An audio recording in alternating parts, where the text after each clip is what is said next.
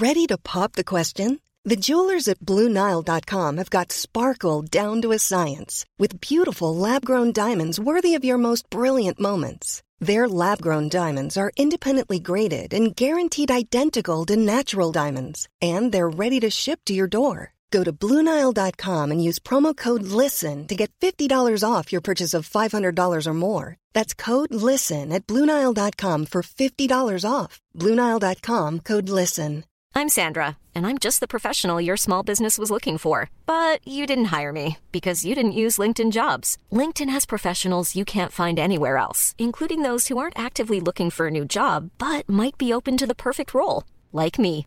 In a given month, over 70% of LinkedIn users don't visit other leading job sites. So if you're not looking on LinkedIn, you'll miss out on great candidates like Sandra. Start hiring professionals like a professional. Post your free job on linkedin.com/people slash people today.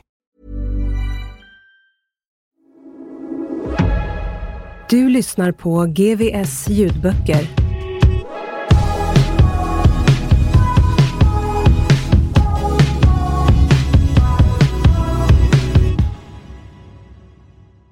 Nytt kapitel. Lördagskvällen den 4 oktober 1997 låg Aje nedsjunken i Orans vardagsrumssoffa och glodde på den tysta tvn.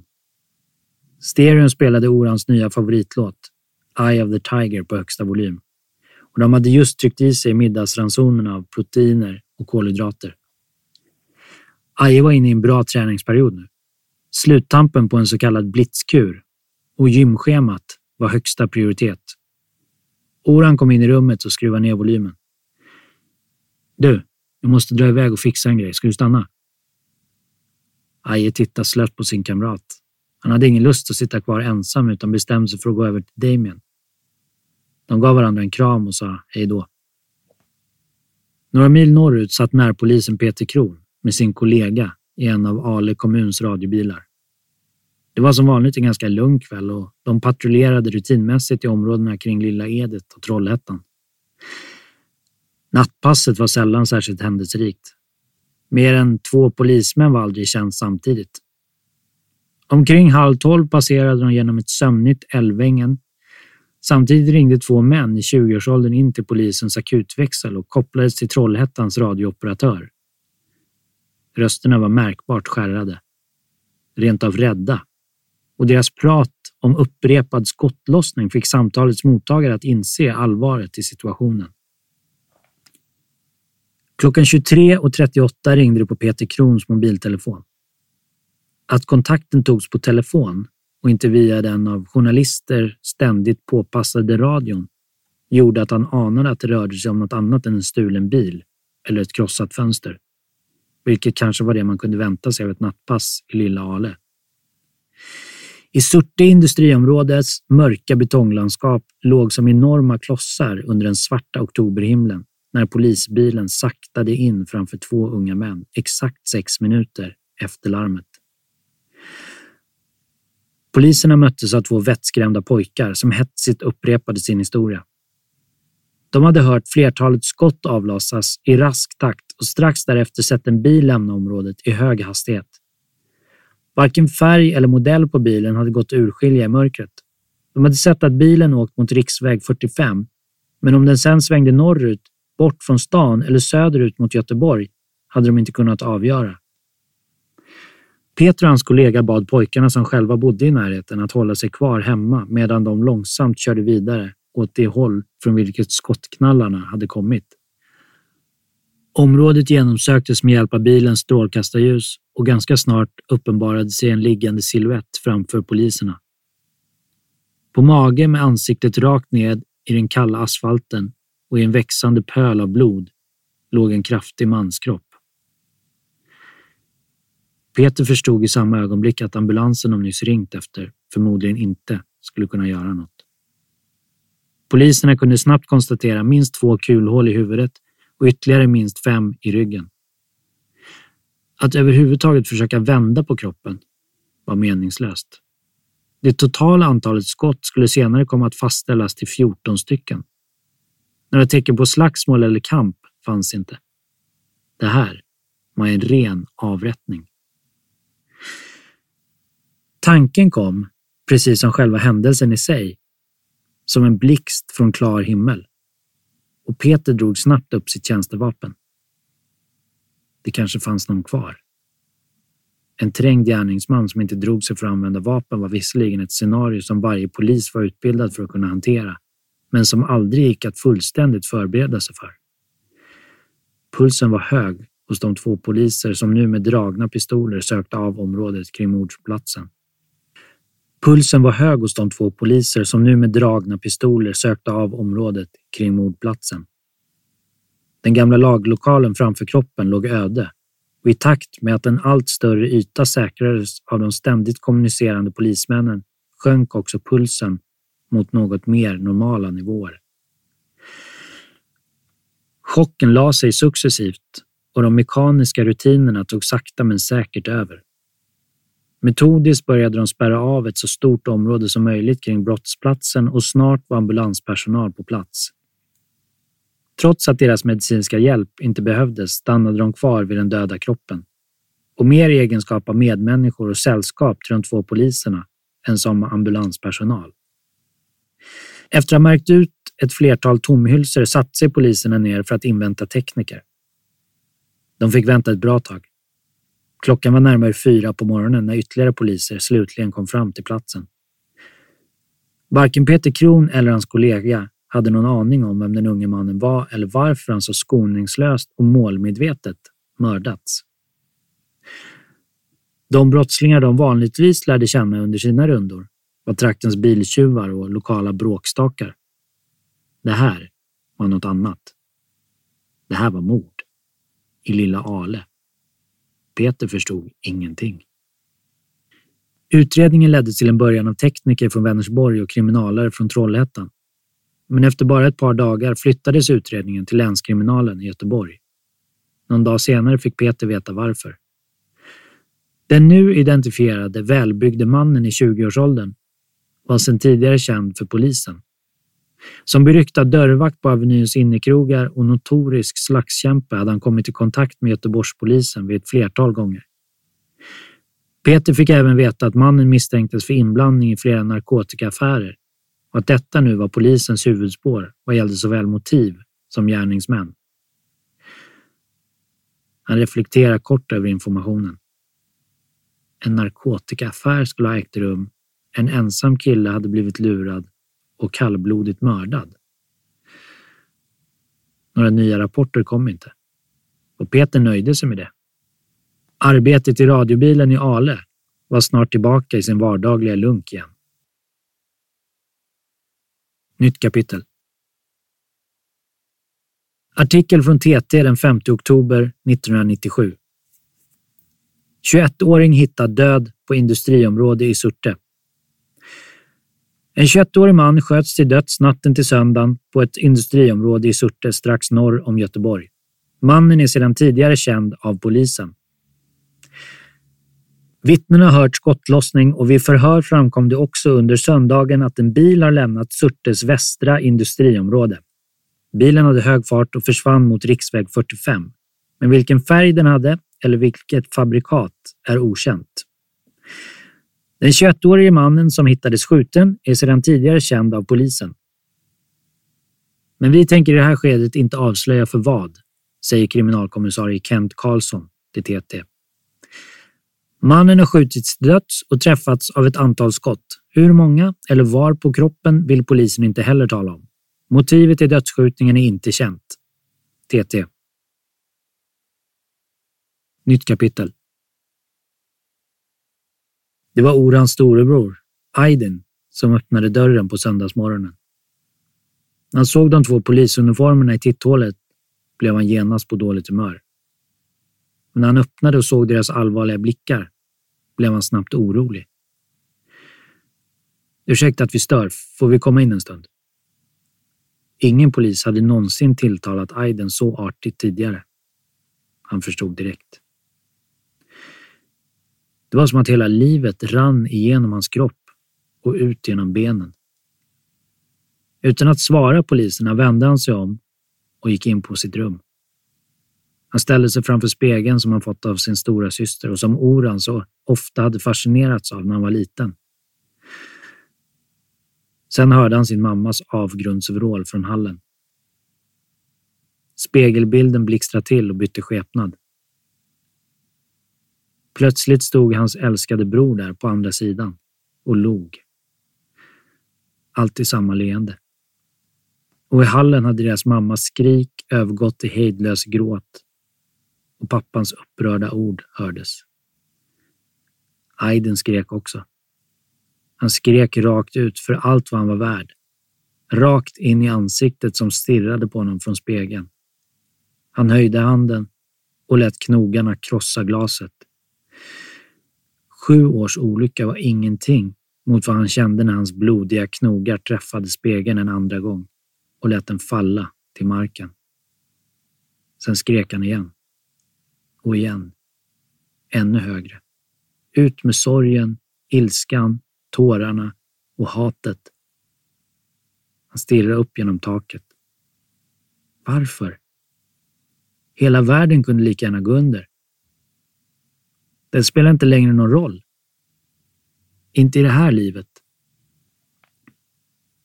Trots att Oran var Aidens lillebror var det lika ofta han som tog hand om Aiden som tvärtom.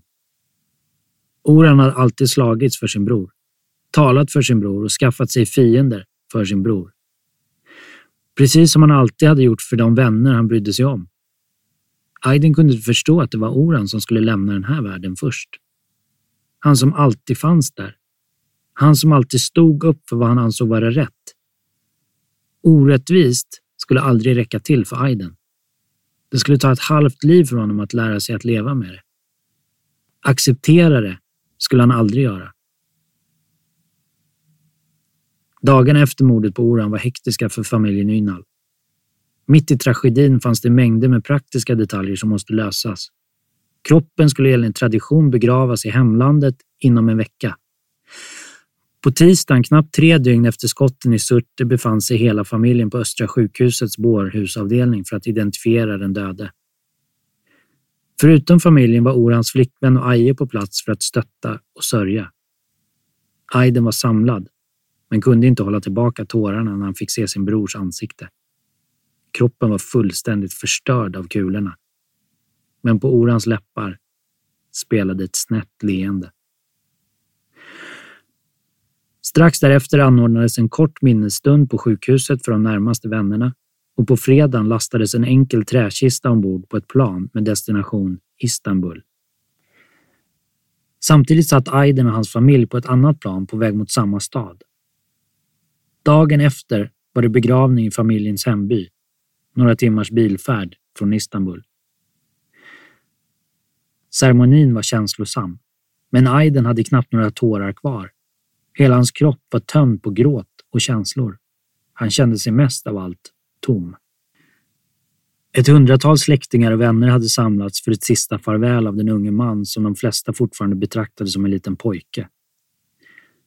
När mörkret föll och kistan tagit plats i den jord som gett Orhan liv drygt 21 år tidigare dröjde sig Aiden kvar under den måltunga himlen.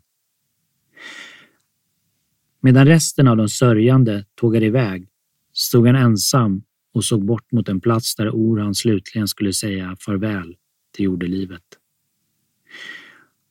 Genom sina sista ensamma tårar såg han hur molnen delvis skingrade sig och öppnade upp en lucka i sitt täcke för månljuset att tränga fram igenom. Hans sista minne av dagen då hans bror begravdes skulle vara hur en strimma av ljus slog ner på Orhans grav. Det var änglarna som hade kommit för att hämta honom.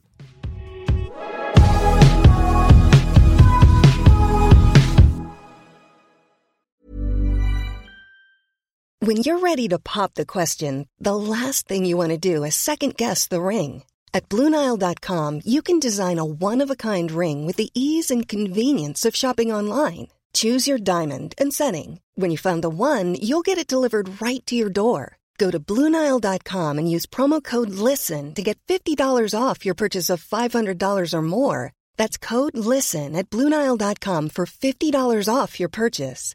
Bluenile.com code LISTEN. Hey, it's Ryan Reynolds, and I'm here with Keith, co star of my upcoming film, If, only in theaters, May 17th. Do you want to tell people the big news?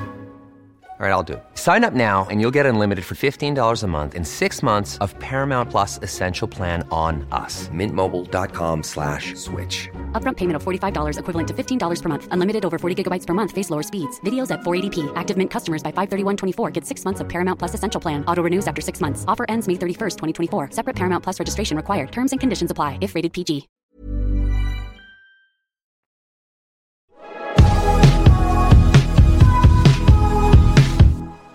Nytt kapitel.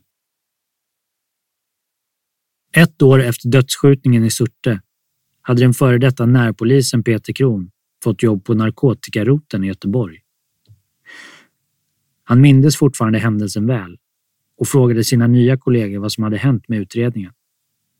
Han fick veta att mordet fortfarande var ouppklarat. Ett antal personer hade förhörts, anhållits och till och med häktats i samband med utredningen. Men inget av detta hade lett till något åtal. Bevisningen höll inte. Visst fanns det indicier, informatörer och enstaka pusselbitar som pekade i en viss riktning. Men några vittnen redo för en rättssal fanns inte. Dessutom var den tekniska bevisningen svag. På polishuset kallade man nu fallet för polisiärt uppklarat. Med andra ord, polisen trodde sig veta vilka gärningsmännen var, men visste också att bevisningen inte höll. Utredningen var således öppen, men skulle snart komma att sorteras in under kategorin kalla fall. Del 4 Mörker Säg mig, kan du föreställa dig känslan när hatet kommer tillsammans med ångesten och rädslan, attackerar dig från alla olika håll, få dig att snurra runt i cirklar, förlora all kontroll. Blues. Helt okej. Okay. Tove kom med sin familj från Finland till Sverige som nybliven tonåring i början av 70-talet. Hon hade aldrig hört talas om vare sig hissingen eller Tuve innan flytten. Men det hindrade henne inte från att snabbt känna sig hemma i det nybyggda området.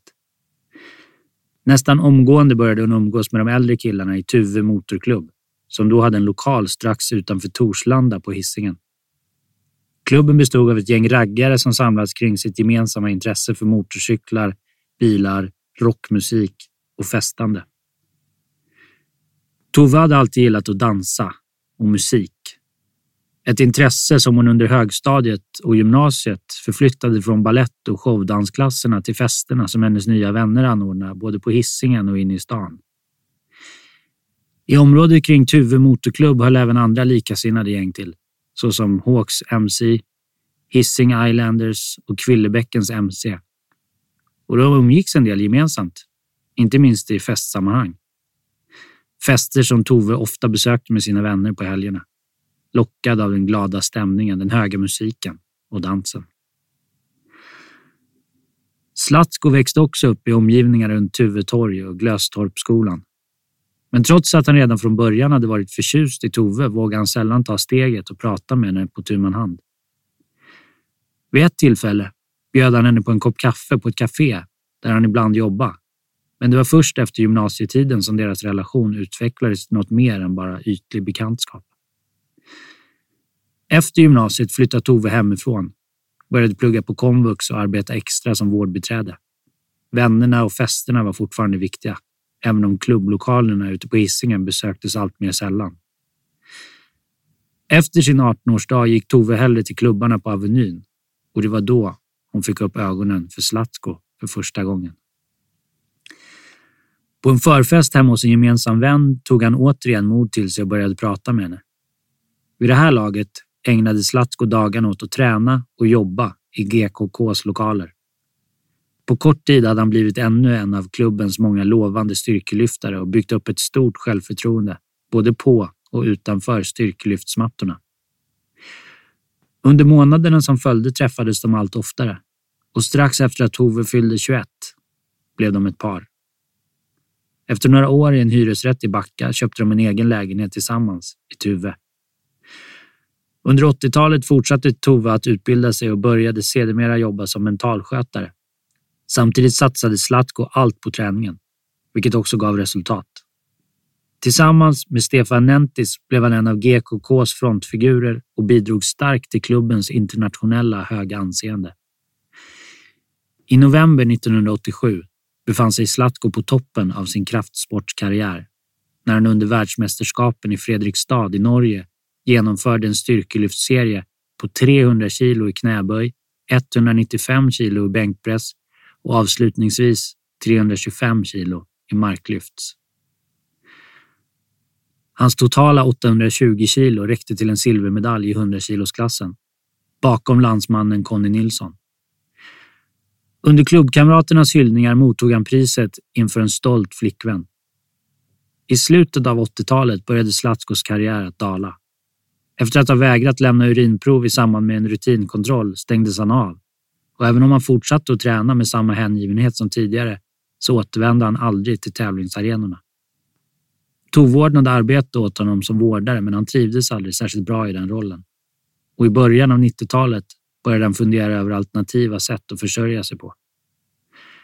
Under åren mellan 20 och 30 hade Zlatko gått från att vara en ganska anonym Tuvebo till något av en lokal kändis och han umgicks med flera av Göteborgs mer framstående idrottsmän. Genom sina kontakter fick han jobb som dörrvakt på klubbarna inne i stan och på så sätt utvidgades hans personliga nätverk ytterligare.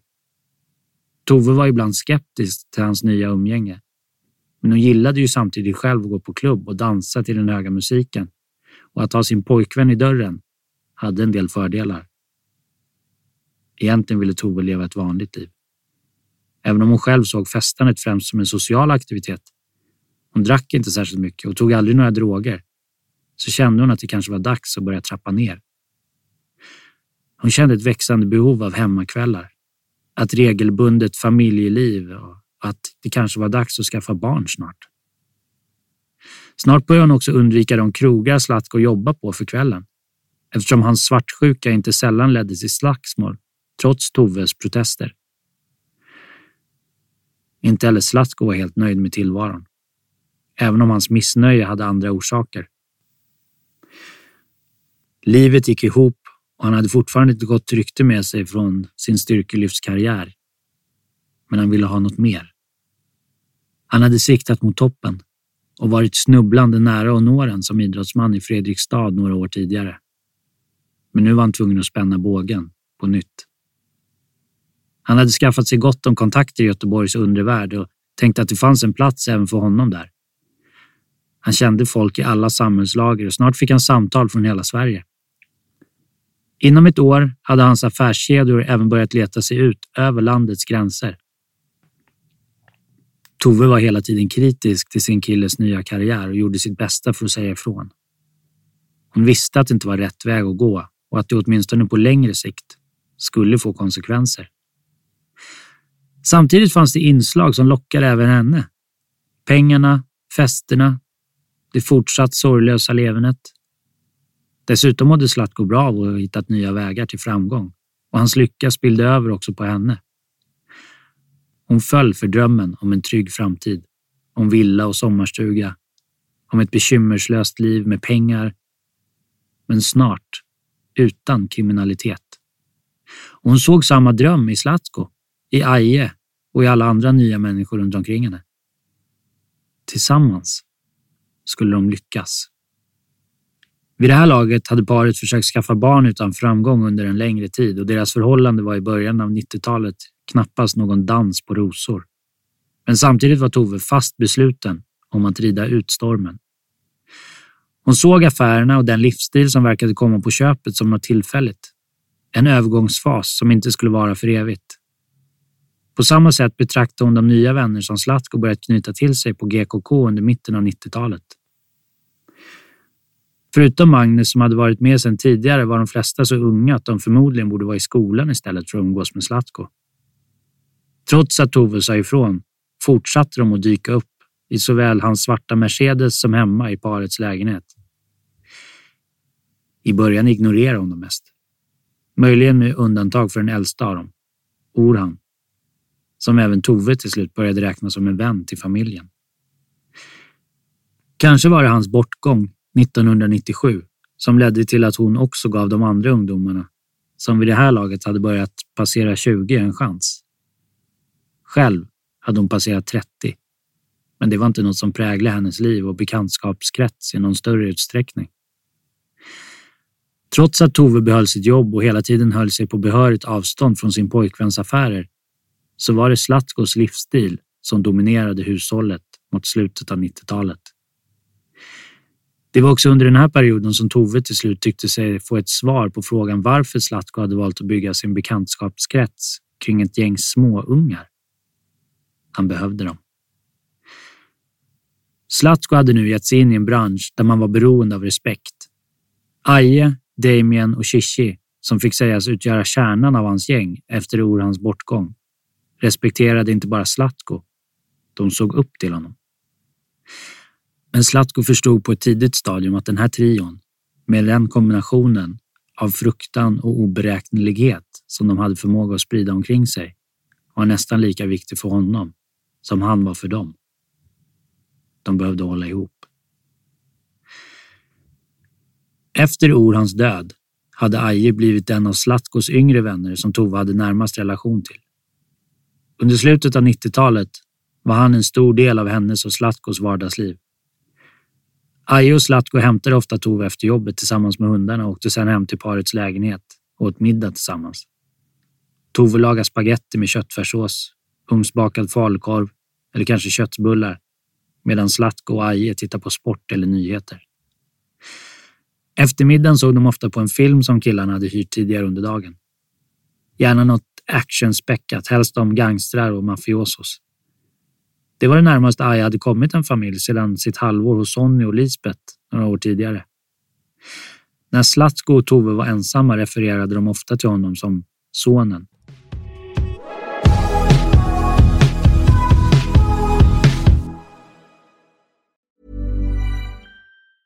Planning for your next trip?